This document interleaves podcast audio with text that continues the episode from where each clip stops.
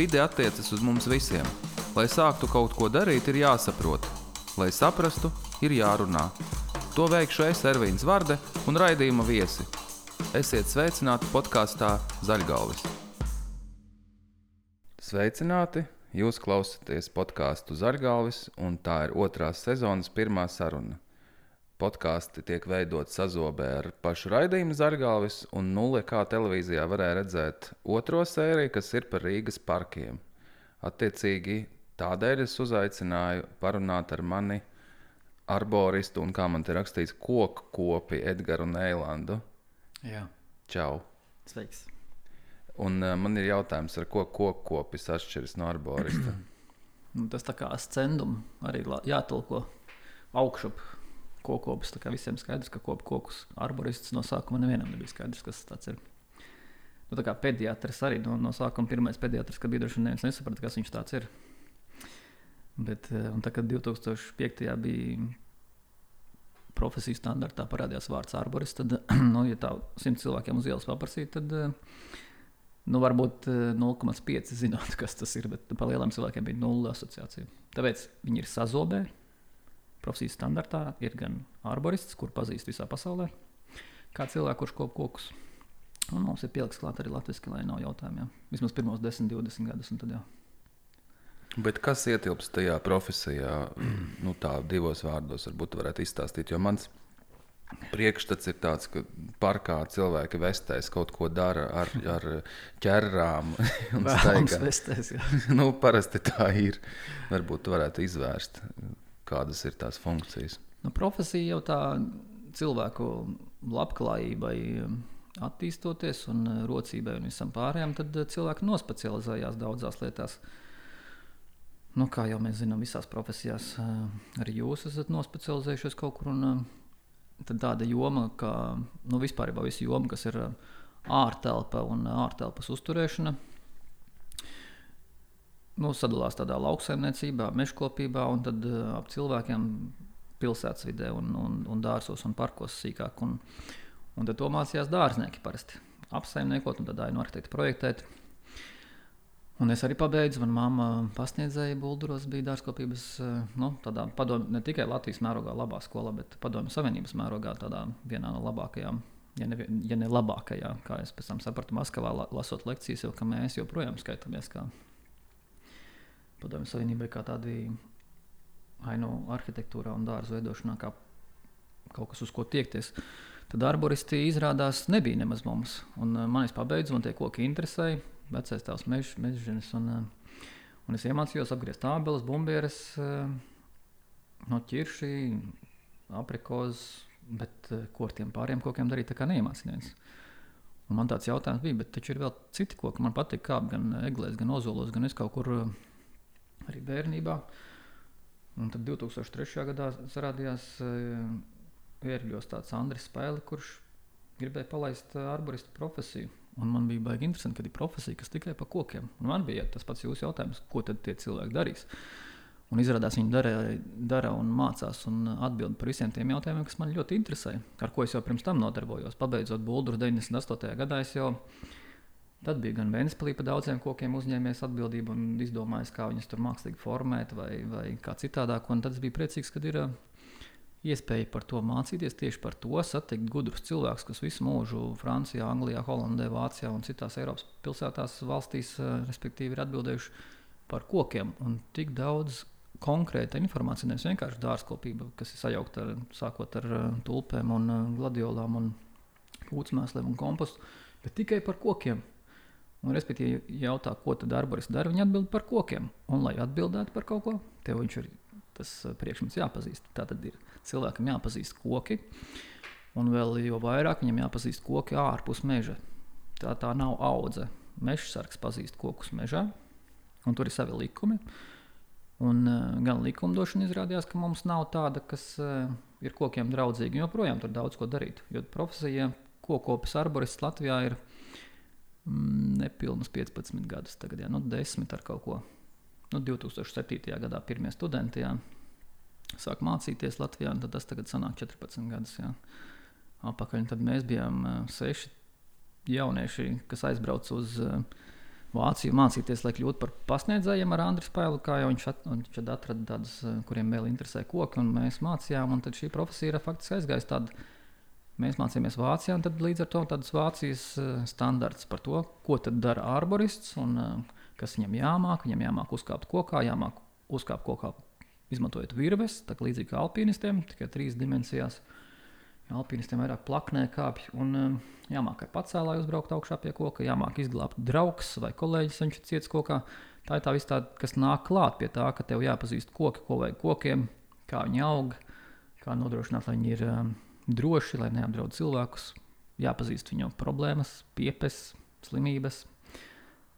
Un uh, man pašam gribētos domāt, ka arborists ir cilvēks, kurš pazīst cilvēku vajadzības, pazīst koku vajadzības, un mediātors ir mediātors, kurš ļauj sadzīvot šīm divām grupām, kur um, kokiem parasti nav vietas, nu, no tā, kā mēs esam sakārtojuši savu telpu, taisnība pilsētvidī. Kokiem nav vietas, bet cilvēki bez kokiem nevar. Un arboristam ir arī jāpalīdz saprast, tas, ka cilvēki īstenībā bez kokiem nespēja. Un jāizstāv šī doma, ka cilvēki bez kokiem nevar. Kokiem pie cilvēkiem īstenībā nav ko darīt, viņi labāk dzīvo mežā. Tā, tas arī ir fakts.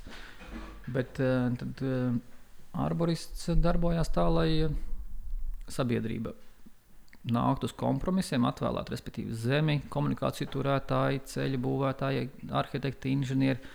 Ļoti daudz profesijas, kuras nav rēķinājušās ar arboristiem kā tādiem vai ar koku, vajad, līdz ar to ar koku vajadzībām.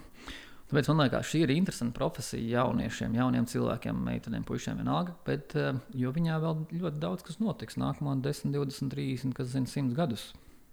Jo cilvēkiem ir jāiemācās cilvēku pašu interesēs, tas ir iemācīties eh, sadzīvot ar kokiem.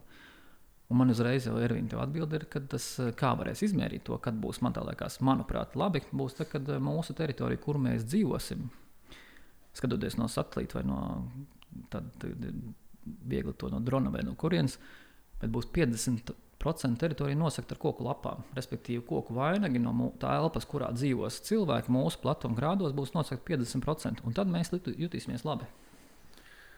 Pēc šīs uh, gan īsās atbildes man ir nojausma, ka 40 minūtes paies nemanot. Man vajadzēs tikai drusku paprasīt kaut ko. Jā. Bet tas, ko tu minēji, ka būt pa vidu starp kokiem un cilvēkiem, manuprāt, diezgan labi atspoguļojās kāda Marsa parka diskusijā Facebook, kur kāds teica, beidziet taisīt no pilsētas mežu. Un es padomāju, kur ir tā līnija un kā to var nodefinēt, un kāpēc mums vajag kokus. Varbūt tu vari izstāstīt. Nu, redz, cilvēks, kurš to ierakstīja, viņam nevajag. Un ar to arī jārēķinās, ka visiem nevajag kokus. Vai arī visiem nav sanācis padomāt par to, ka viņiem vajag kokus. Mums jau ir dažādas, gan es nesaku, ka kāds ir mazāk attīstīts vai kāds vairāk, bet prioritāšu saraksts un vērtību saraksts. Un vērtības ir kaut kas, kas mums ļoti lēnām mainās, ja vispār mainās cilvēkiem kā tādiem. Mēs, eh, nezinu, kādam, nu, es bieži vien, lai saprastu, vai man ar cilvēku būs interesanti, mēģinu iztēloties viņa vērtību sarakstu. Vai ar, eh, ja es, eh, nu, kāds grib apprecēties ar otru, saku, uzrakstiet viens simts savas vērtības. Augošā secībā, nu, jeb vērtīgāko, kas jums ir, un, un dilstošā secībā, un otrs, un pēc tam paskatieties, ja vienam būs, nezinu, nauda, otram būs tēvzeme, vienam būs eh, bērni, otram būs ceļošana un tā tālāk. Ja, ja totāli atšķirās, nu, nav jāprecās. Un, man liekas, tā, tā taisnība caur vērtībām. Un šeit par uh, cilvēkiem koki pilnīgi noteikti visiem nav. Pat simtniekā. Bet globāli Latvijas teritorijā dzīvojušiem uh, vairākās paudzēs, kas nav mongoļu asinis. Un ir jau dažādas arī asinis cilvēkiem, kas stepēs dzīvo, viņiem no kokiem iespējams ir bail. Jo viņi viņus nezina, nu, nav tradīcijas. Nav. Bet, ja tic eh, gēnu teorijām un par to, kā mēs veidojamies, respektīvi mūsu ķermenis, ko viņam vajag, gan es ar viņu, gan tu mēs sastāvam no mūsu senču pieredzes, viņu senču pieredzes, un, un, un kāds saka, tās iepriekšējās desmit paudzes ir tas, kas atbild par to, ko mums un kā vajag. Uh, Tad eh, visdrīzāk man te un eh, kādiem 80, varbūt pat 90% Latvijas teritorijā dzīvojušiem cilvēkiem eh, senči būs dzīvojuši tuvu kokiem. Nu, vai, vai tas būs nu, visdrīzāk viensētās vai nelielos ciemos, un koki ir bijuši gan siltums, gan materiāls, gan visi tie augļi, sākot ar rīkstiem, aboliem un tādā, kas, kas mūsdienās liekas nav tik svarīgi, bet ir bijuši posmi, kad tas bija veids, kā izdzīvot. Līdz ar to, ja bija koki, tad bija iespēja nu, kaut vai no vilkiem uzkāpt augšā tajos kokos, nevis uh, skriet līdz tevi apēd. Un ģenētiski, tāpēc Es arī to jūtu par Marsa parku un visu citu, ka ir kaut kādi 10%, intuitīvi tie ir apmēram 10, varbūt 15%, kuriem nav atklāsme, ka viņiem kokus ļoti vajag un viņi varētu kaut ko upurēt koku, koku ziņā, nu, piemēram, daļu no saviem ienākumiem vai līdzekļiem, respektīvi.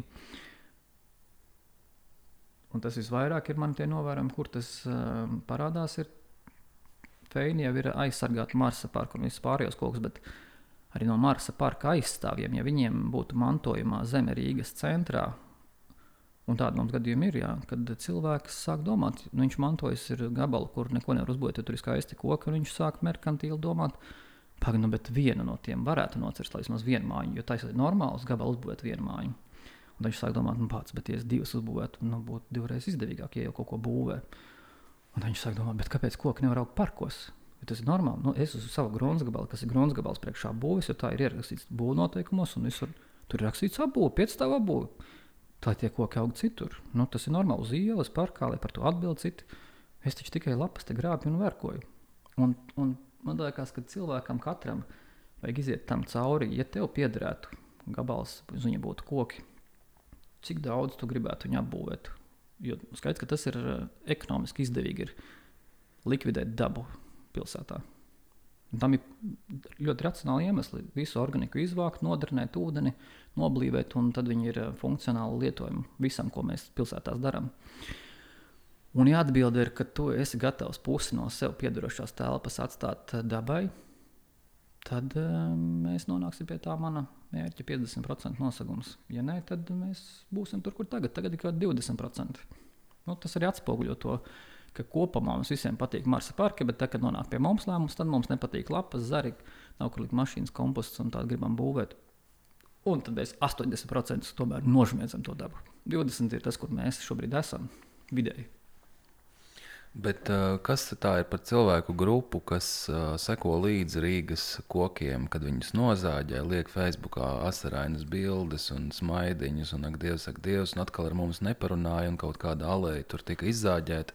Šausmīgi empātiska grupa ar cilvēkiem, bet es uh, domāju, pie kādas kategorijas viņi pieder, vai pie viņiem dārzā ienākot viņi iet uz kompromisu ar savu sirdsbalsi, ko viņi tik ļoti skaļi pauž Facebook.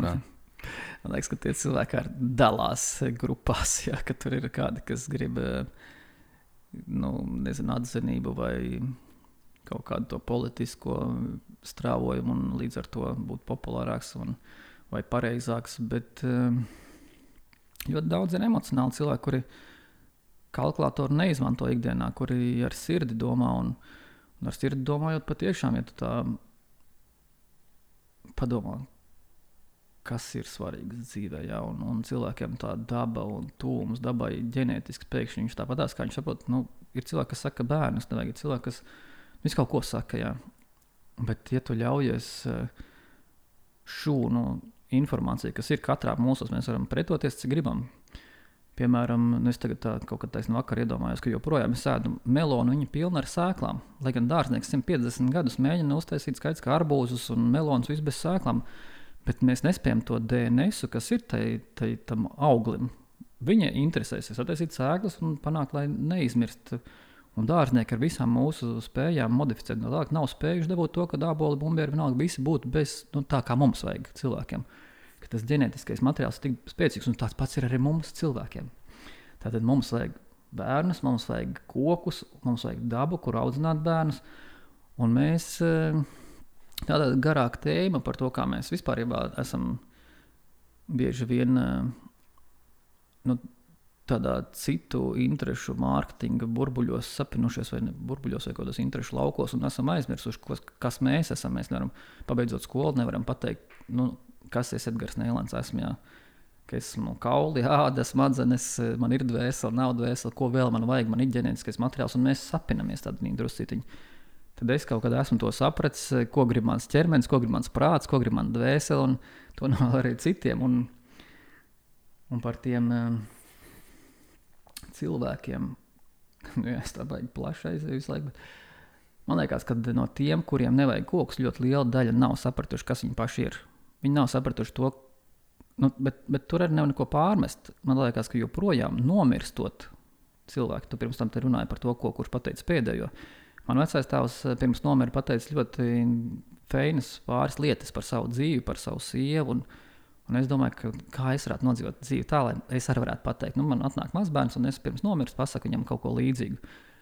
Tad man liekas, šobrīd joprojām liela daļa cilvēku nomirstot, pasakā, bļa, nebija labi. Visi jūs, nu, un, un kaut kādas tādas negācijas. Un man liekas, nu, tad kur tu biji, par ko tu domāji? vai tev tu neparedzēji, ka tu nomirsi.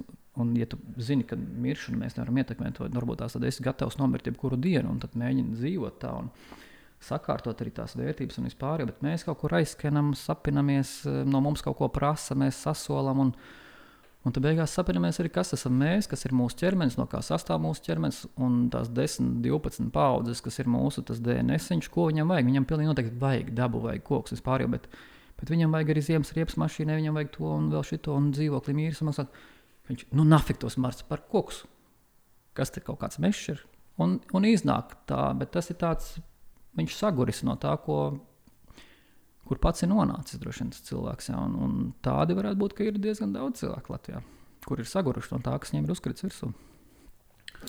Tagad, atgriežoties jā. uz zemes atpakaļ, es gribēju pajautāt, uh, kad cilvēks, tāds pilsētnieks, skatās uz kokiem, viņš tos redz pārsvarā parkā. Vai tam ir vēl kaut kāda nozīme? Izņemot... Cerams, ka viņš redz viņus parkā.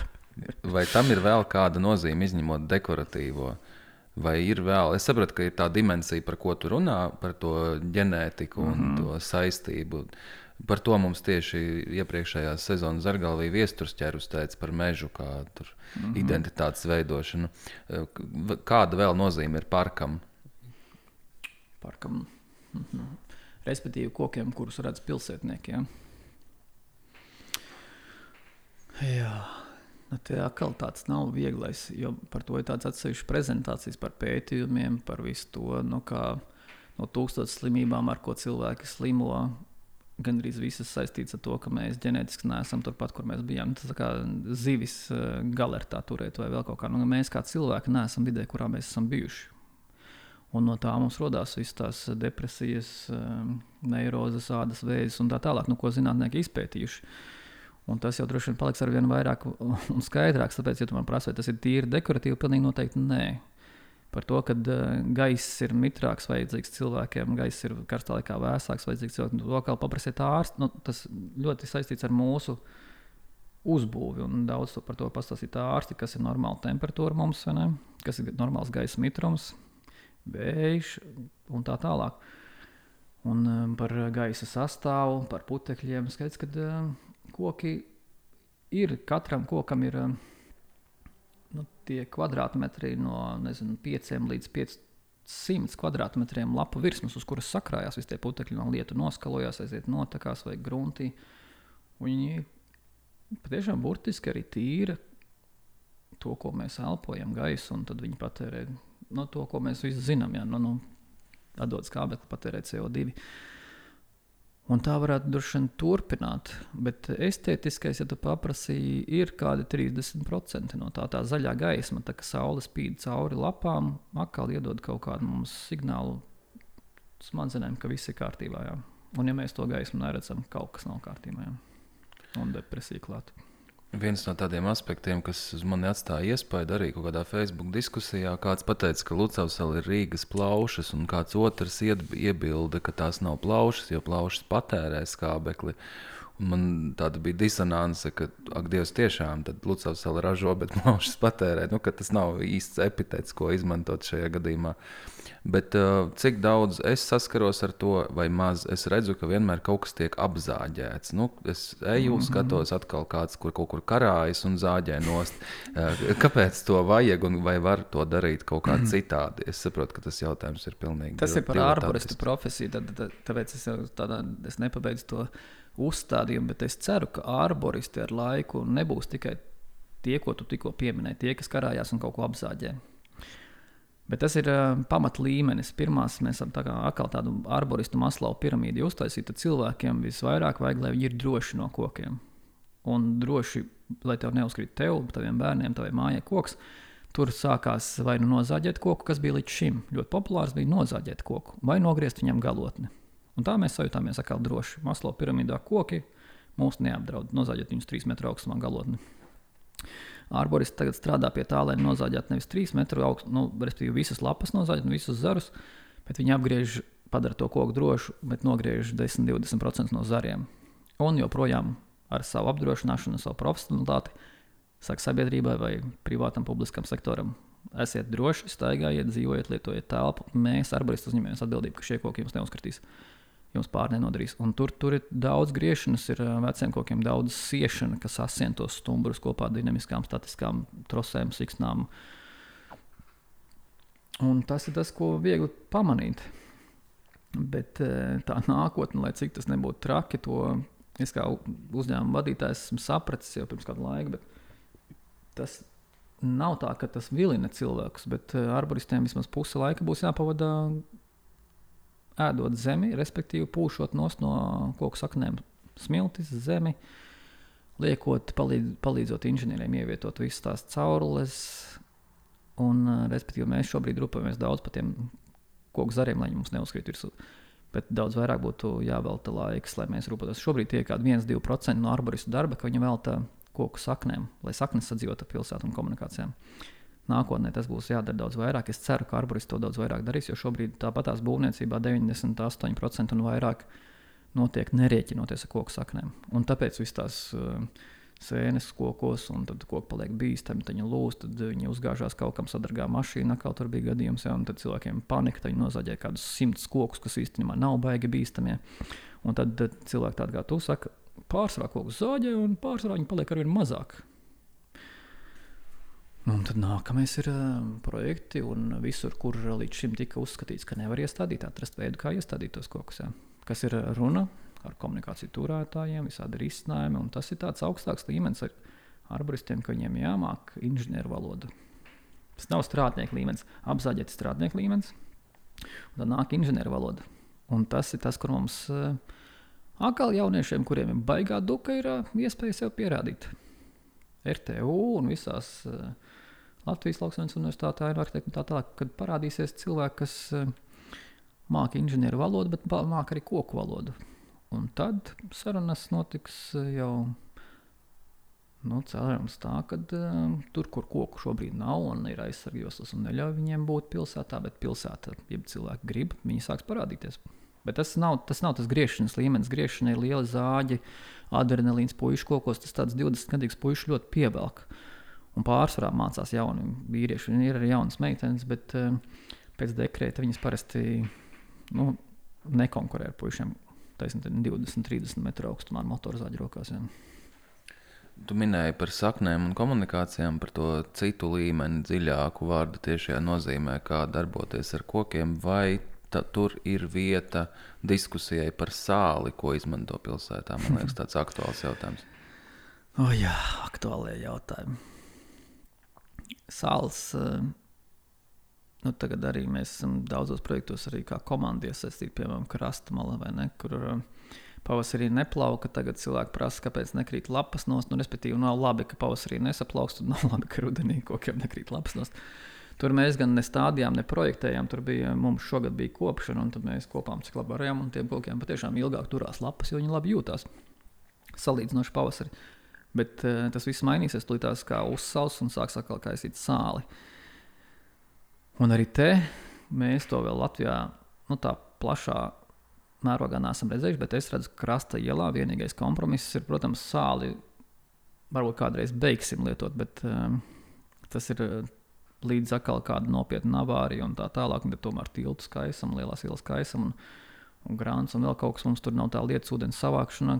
Sistēmas izbūvētas tādas kā Somijam, Zviedrijam un citiem. Un, un kad tās pārprojektēs un tā tālāk. Nu, ja tās aiziet ciet, atkal Rīgas līnijas nost. Un, beigās jau to sāla kaisa, bet uh, es redzu, ka parādīsies tādi gan stumbru, gan zaru aizsargi, kurus liks vairogi. Sāls uzšļaksās uz tiem, notek lejā. Un, ja būs budžets, tad kaut kur skalos to augsni, mainīs kaut kādu virskārtas, virskārtas mulču un, un kaut kā tā. Un kad, bet tas, jā, to var redzēt jau lielākās pilsētās nekā Rīga. Ja? Nu, tāpat lielā pilsētā Maskava Tur jau tādi vairogi kādu laiku tiek likti. Jā. Ja koku iestāde tur redz kokus, uh, apmēram 10,000 eiro iztērē par vienu koku, un piemēram viņi iestāda tādus pāris tūkstošus kokus, tad to vairogu par 50 vai 100 eiro atmaksājās uzlikt. Un tad tas ir atkal par tām vērtībām, cik tas koks ir vērts un cik mēs esam ieguldījuši, lai viņi pie viņa tiktu, un cik mēs ieguldām, lai viņu saglabātu, ja nodrošinātu, ka viņš izdzīvo. Un sāls ir viens no, viens no killeriem. Jā. Es domāju, ka mani zābaki tam piekristu. Arī, Kultūras pieminekļi, zābaku, ādas zābaku lietotāji arī atbalstītu droši vien, bet nu, tur ir tāds suņu saimnieki. Suņu saimnieki droši vien, un slieku asociācija, un kurmīši, un viss daudz uh, biedrības būtu par. Slieku asociācija. Jā, bet uh, man te pierakstīts lapiņā tāds jautājums, par ko es gan nebūtu aizdomājies pats. Bet, uh, ko tu domā par sporta pilsētas dārziem un līdzīgiem projektiem, kad cilvēki audzē dārzeņus pilsētā? Es varu īsi atbildēt. Beidzot. Beidzot.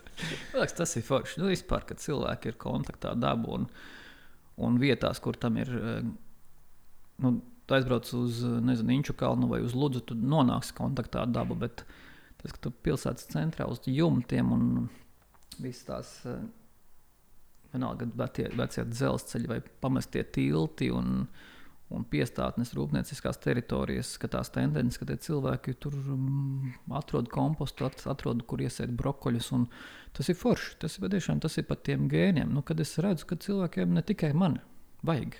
Un, un kāpēc viņi to dara? Tāpēc, ka tā ģenētika spiež. Nu, cilvēki atslābinās, viņi sāk domāt, kas, kas viņi ir, ko viņiem vajag. Un, un pēkšņi tā ir prioritāte. Nevis pelnīt naudu vai nezinu. Nu, ko, ko vēl remontēt māju. Nu, kas vienmēr to vienmēr var darīt, jā, bet iet kaut kur tur svešā zemē, stāda kaut ko. Forši. Mums bija arī raidījums par kompostu, un man, uz mani atstāja iespaidu, tas, cik tas ir viss zinātniski pamatoti un cik tas ir daudzveidīgi un nopietni. Es nekad nebūtu domājis, ka kaut kāda mēslu čupa ir uh, vesela oh, dzīvotne, un, un par to var runāt patiešām ar deksmi. Tas bija uh, man pat likās drusku aizdomīgi, bet labā nozīmē. Savukārt, um, es domāju par to, ka uh, katrā profesijā varbūt daļai tu to jau pateici, bet mainās. Uh, nezinu, kaut kādā zobu tehniķiem mainās materiāli, no kā viņi taisa tās mm -hmm. protēzes. Sudrabiņš beidzās. Lēnām. Jā, vai tur kas tur viņiem ir, es nezinu, bet um, es nesen tieši biju vienā tādā laboratorijā un ieraudzīju, un nevienu priekšmetu neatpazinu, jutos kā tāds uh, nepilsonis. Un, um, nu, pilnīgi svešā kaut kādā vidē. Bet varbūt jūs varētu pateikt par savu profesiju, kādi jauninājumi nāk klāt. Uh, Nu, mhm. tādi daži, ko tu varētu nosaukt, kas ir pamainījies. Ar zobu tehniķiem eh, ļoti viegli salīdzināties, jo visa koku kopšana vēl pirms 30 gadiem bija eh, urpšana, slīpēšana, izzāģēšana un protezēšana. Nerūsējušie, rūsējošie, cinkotie dzelži, stīpes, troses, līdzīgi kā mēs taisnojam zobus. Ja. Un tad bija tāds amerikānis Aleks Šaigo, kurš uh, tur kaut kādus 3000 kokus sagrieza ripās un izpētīja, kā koki cīnās pēc tam. Nu, vai vispār viņiem ir kaut kāds bojājums, un trupe un sēnes. Un tad izrādījās, ka mēs esam savādāki organismi, jā, ka tas mums nedara. Un tagad vairāk tā pa lielam nedara neviens. Iedomājieties, 30 gadu laikā totāli nomainījās. Vācijā bija tādi ar 2000 cilvēkiem koku institūti, nu, kur viņi greba fungicīti, apstrādāja visas tās sēnes, mēģināja nobeigt. Un, visus izslīpēt, izgrebt līdzīgi kā mums cilvēkiem. Bet koki apauga savas problēmas. Un, ja, ja mēs ar to grebšanu iesākam, tad mēs pārējām tādas superplānas barjeriņas, un tās sēnes to vien gaidījām. Un sanāca beigās, kad viss tā koku, nu ne jau pilnīgi viss tas, ko darīja koku inženieri, jeb ķirurgi, Latvijā tā profesija tā arī īsti neatnāca. Bija pāris eh, Rīgas dārzos un parkos tāds Andris Zvirks, kas arī braukāja uz Vāciju. Nu, viņš betonēja pāris kokus Latvijā, bija, kas bija sabetonēti un dobumu izgrebti un kaut kur kādu fungiciju iesmērēt. Bet pa lielam, salīdzinot ar Vāciju, arī tagad mūsu komanda tur strādā, tad mēs redzam, nu, visi tie metāli, kā viņi auguši, kā koki ar viņiem cīnās. Un, un ir arī labi stāsti tam visam, bet uh, modernā koku kopšana no tā visa ir atteikusies. Un tas ir 90. gadi, kad iesākās jauns laikmets, un viņš tā arī saucās modernā arborikultūra, jeb koku kopšana. Un tā neko negrib, neko nespricē, nekādu fungicīdu nemēģina nobeigt. Tur ir tāds uh, draudzīgs, tās sēnes ar fungicīdiem mēs nobeidzam arī mikrorīzes sēnes. Visiem kokiem, ja mēs tur runājam par kompostu, visiem kokiem ir savas mikrorīzes labās sēnes. Un daudz zinātnieki pierādījuši, ka kokam ir ok, ka viņam iekšā ir trupe, un viņam tas, tas vidus ir īstenībā ļoti daudzām citām sugām vajadzīgs. Viņa tā sēna izēda vidu, bet, ja tu to sieniņu nepāri, viņa paliek kā caurule, un tāds koks var dzīvot vēl tikpat vai vēl ilgāk. Un to visu tā liekot kopā, tā zināšanas par kokiem, ja mēs Man sieva ārsts, tāpēc es tā nojaušu apmēram, kā cilvēks vispār attīstās. Un kad viņa ir muskuloskeletāra sadaļa, un tad eh, kaut kur tas vienreiz gadā kongress, kur sabrauc 17,000 cilvēku, tur 6 miljonu uz vienu eiro budžets uz vienu pasākumu. Un tā tālāk, un tā viņi tikai pa vienu to tēmu ņemās. Viņi atbrauc, ah, kā mēs tur joprojām to nezinām, tas jāpēta. Nu, budžets milzīgs, vispārējais miljardos tur iet. Bet mēs nezinām, pie kokiem mēs vispār neko nezinām. Un tas eh, bija ar kokiem, tā kā pie zobārsta tu aizgāji un tev plaķenēm rāvā ārā. Tā kokiem tas vēl bija pirms redzes, 20, 30 gadiem, kad viņiem ar plaķenēm zobus rāvā ārā. Tā kā labā ziņa ir. Nu, koki atpaliek aiz cilvēkiem droši vien kādus 50, 100 gadus, eh, bet vispār tendence ir tā pati. Saprast, ieklausīties, maigāk, tolerantāk. Koka Holivudas smaids. Oh, tas ir Vācijā izdresēts tāds, uh, nu, es nezinu, Kens saucās Bārbijai, tas čalis. Jā. Ja? Nu, ka viņš ir tāds taisns. Viss, un tas tie koki pie mums arī tagad stāv. Tas ir tas standarts, ka mums jau tie koki baigi šķīvie visi ir bijuši nu, padomju laikos un tādā stādīti, neskolot. Bet Vācijā viņi paši ir bijuši jau saguruši no tiem perfektiem kokiem. Tas nozīmē, ka viņam viss stumbrs ir taisns. Viņš tā kā zivs asaka. Viņam ir visi sānzari neliela diametra.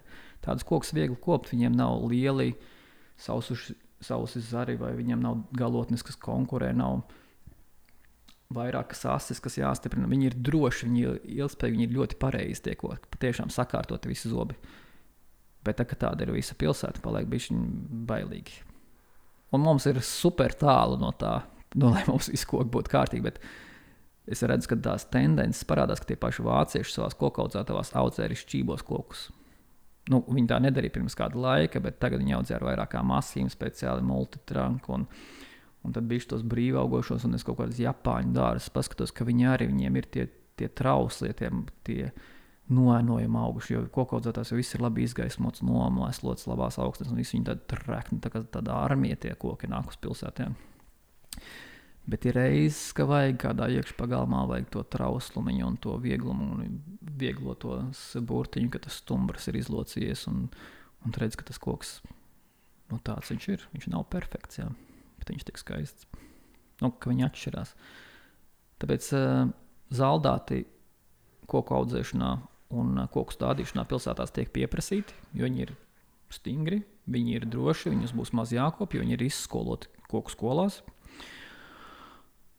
Bet mums viņi ir, es domāju, tur tā, no 1 līdz 5% apmēram mūsu apstādījumos un pilsētās. Tas ir reti, un mēs par viņiem priecājamies. Vēl ilgi arī priecāsimies par tiem skaistiem, taisniem Bet nu, ir uh, valstis, kur uh, Holanda, Beļģija un vēl tā tālāk, kur viņi ir jau pārņēmuši pilsētas taisnību. No tā visa iepriekš sacītā izriet man tāds viens jautājums, vai tu vari uz koku jebkuru paskatīties, ne kā arborists vairs? Man ir tāda metode, kā es nosaku, vai esmu vesels un jūtos labi.